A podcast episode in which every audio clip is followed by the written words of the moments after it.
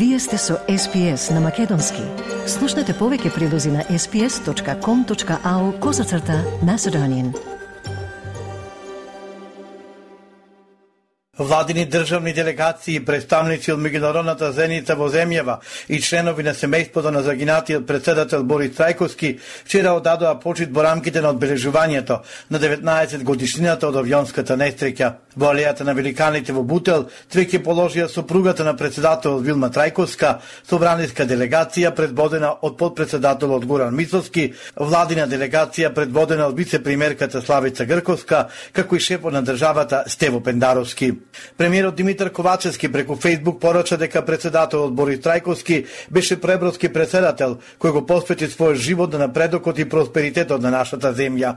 Цитирам, ќе остане запаметен како вистински државник, а неговите заложби за соживот, мир и меѓународна интеграција на државата се и денес пример за храбро и мудро лидерство. Нека неговото наследство продолжи да не инспирира, а неговиот спомен никогаш да не биде заборавен, порача Ковачевски. Одбележување на годишнината смртта на председателот Трајковски се одржа и во Струмица, пред поменикот Македонија, како и во Ротмиле, Босна и Херцеговина, на местото каде што се случи авионската несреќа во 2004 Во авионската несреќа која се случи на 26 февруари, загинаа председателот Борис Трајковски и осумчена делегација која патуваше на меѓународната конференција во Мостар. Покрај председателот Трајковски, животот го загубија портпаролот Димка Илкова Бошковиќ, советниците Ристо Блажевски и Анита Лозановска, представникот на Министерството за внатрешни работи Миле Крстески, телохранителите Аце Божиновски и Борис Фелиновски, како и пилотот и копилотот на авионот.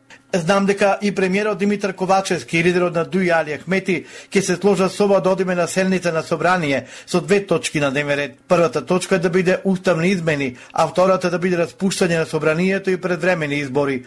Ова во гостување во емисијата Само интервју на ТВ Канал 5 го рече првиот вице-премиер Артан Груби и понудата ја испрати до опозицијската ВМРО да ДПМНЕ. Цитирам, Бујрум, нека влезат, нека гласа за уставни измени и одиме на избори. Еве ова нека биде компромис на средина. Нека се охрабрат, нека направат таква одлука и да видиме. Нека излезат на избори да видиме дали ќе победат, дали ќе владеат, рече вице-премиерот Груби на Канал 5.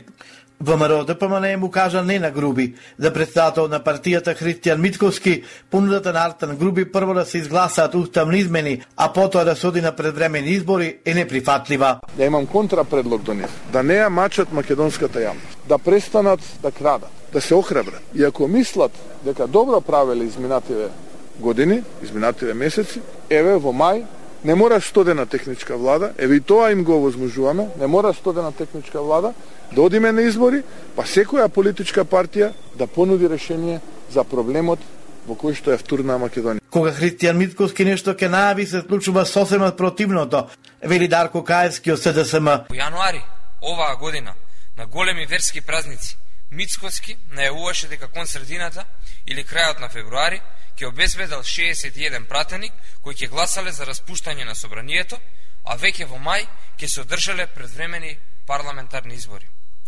Февруари изминува, а од најавите дека Мицковски ќе направи нешто, нема ништо. Не само што нема 61 пратеник за распуштање на собранието, туку има зајакнато и зголемено парламентарно мнозинство. Мицковски слободно може да прогласи капитулација, затоа што се што тој најавува, на крајот се случува спротивното.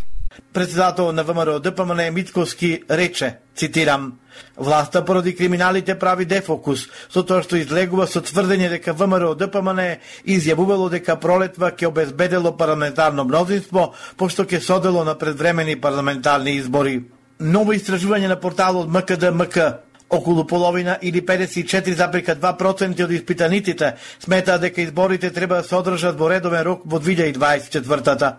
Рече си две третини или 61,3% од испитаниците би излегле да гласаат доколку утре се одржат избори. Поред рейтингот на политичките партии на нивните лидери, останува воспото на ВМРО ДПМН и на Христијан Митковски, покажува истражувањето на МКДМК, кое на 1200 испитаници го спроведе агенцијата Market Vision. Грижан. На прашањето која политичка партија има капацитет да креира и реализира најдобра економска програма за Македонија, 12,9 од испитаниците предност дадоа за ВМРО ДПМН. На СДСМ му беруваат 9,9 а на Левица 3,4%. Во однос на надворешната политика, разликата е помала. 14,8% за ВМРО ДПМН и 13% за СДСМ. Христијан Мицковски, лидерот на ВМРО ДПМН е политичарот во кого гласачите има најголема доверба.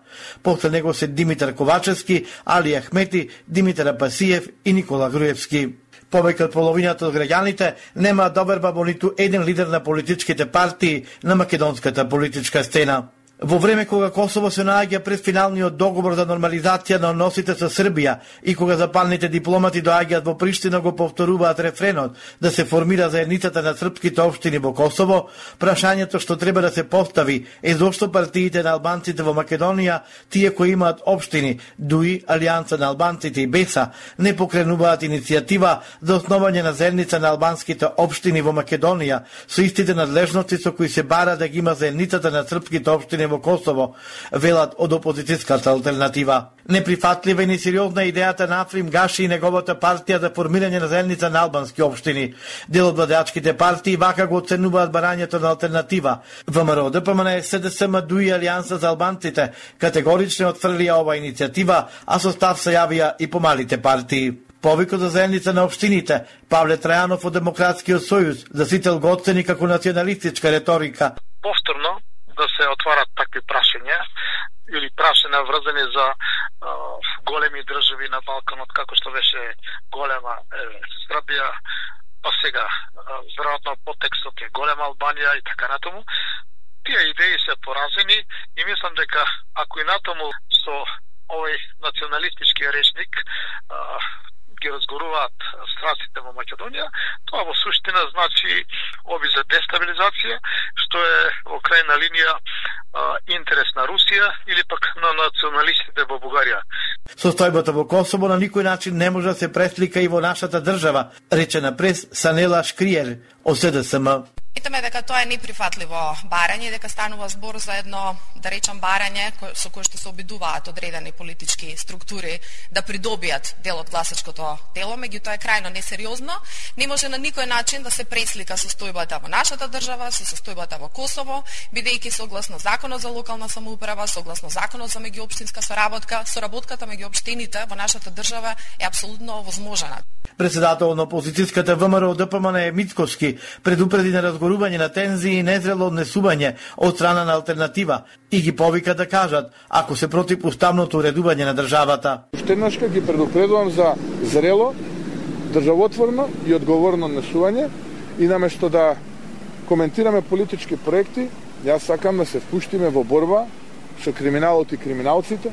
Ке подсетам, рамковниот договор е дел од уставот, според сите партии во Македонија тој е целосно завршен, имаш изјави од Демократската унија за интеграција дека тој е завршен, исполнет и тука завршуваат било какви политички прекројувања, организирања или расслојување на, на Македонија.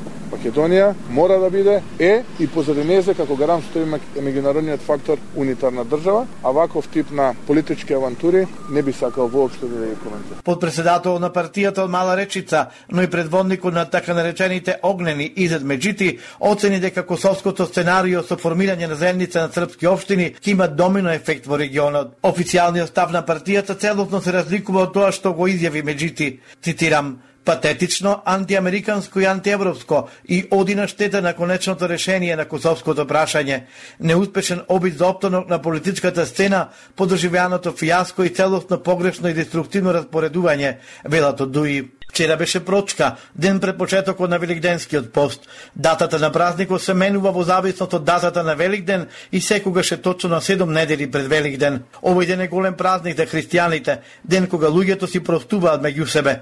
Со празникот се поврзани и голем број на обичаи и верувања. Од верски аспект, прочка е една од манифестациите на искрената и пожртвуваната љубов кон ближните, која го следи примерот на Исус Христос за безусловно и безгранично проштевање меѓу луѓето. Со прочка завршуваат зимските и почнуваат пролетните празници. Околу 40 маски и 1600 маскирани учесници ги преплавија централните улици на Струмица. Саботниот маскенбал почна со силен огномет и танцувањето почна да ги бранува маскираните лица низ градот. Секоја маска со своја порака, но во суштина сите сакаат повеќе радост, со чувствителност и толеранција меѓу луѓето.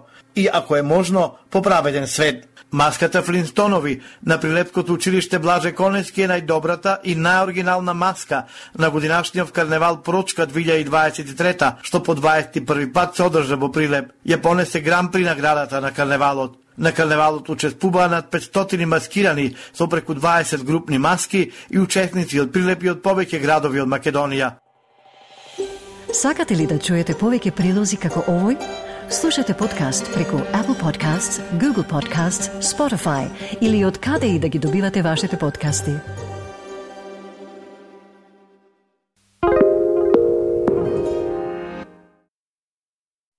SBS is Australia's most trusted multilingual broadcaster.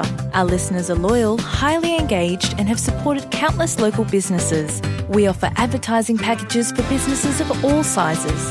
Our experienced sales team will guide you through the process of owning a great campaign.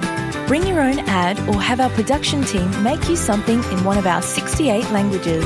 Start the conversation with your new audience today. Email sales at sbs.com.au.